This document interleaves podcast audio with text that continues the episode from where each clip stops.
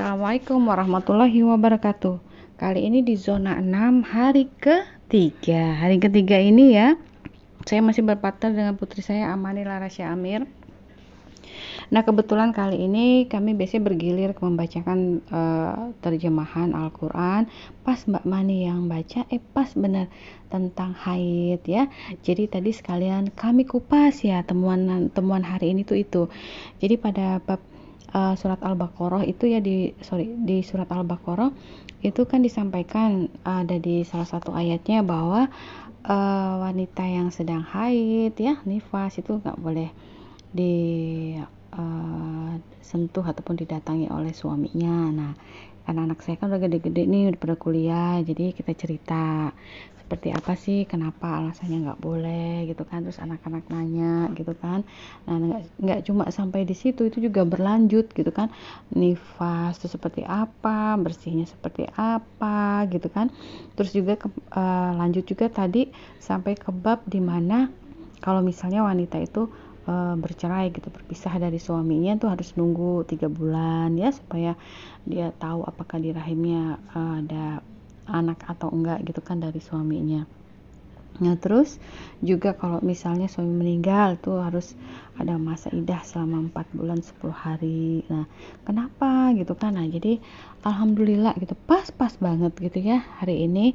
Jadi berkisah tentang uh, fitrah seksualitasnya itu kepada wanita juga kepada pria gitu kan di mana laki-laki juga harus paham oh bahwa dia boleh yang mana enggak yang mana terus yang uh, perempuan yang mana. Dan pas banget ya ini untuk uh, edisi yang udah dewasa gitu kan. Pas banget kita mengupas ini. Memang anak-anak sih sebelumnya juga udah tahu tapi mungkin nggak sedalam yang saat tadi kami cerita. Nah alasannya kenapa dari segi kesehatannya kenapa juga dibahas ya. Nah terus untuk uh, apa ya kemarin kan masalah haid ya.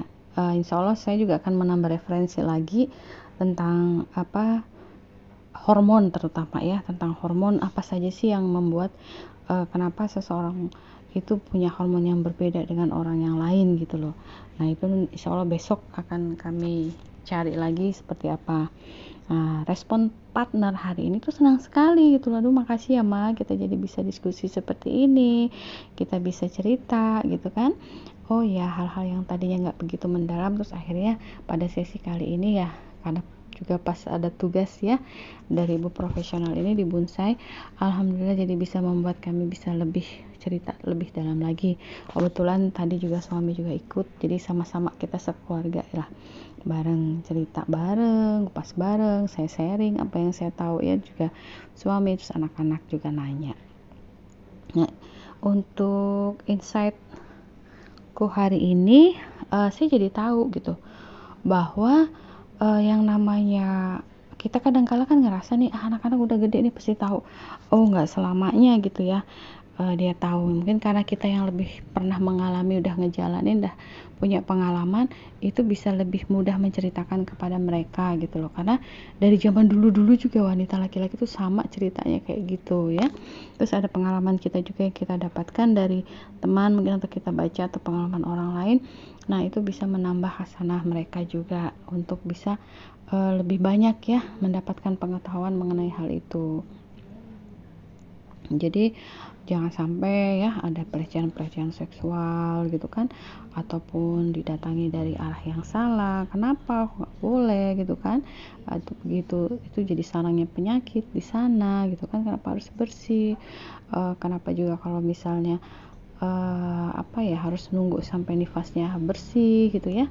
Nah jadi juga sampai akhir tadi kita nyerempet-nyerempet juga cerita oh tentang asi gitu kan. Kenapa harus menyusui? Karena di, di al-baqarah juga diceritakan kan bahwa anak itu harus disusui gitu kan selama 2 tahun kemudian disapih ya.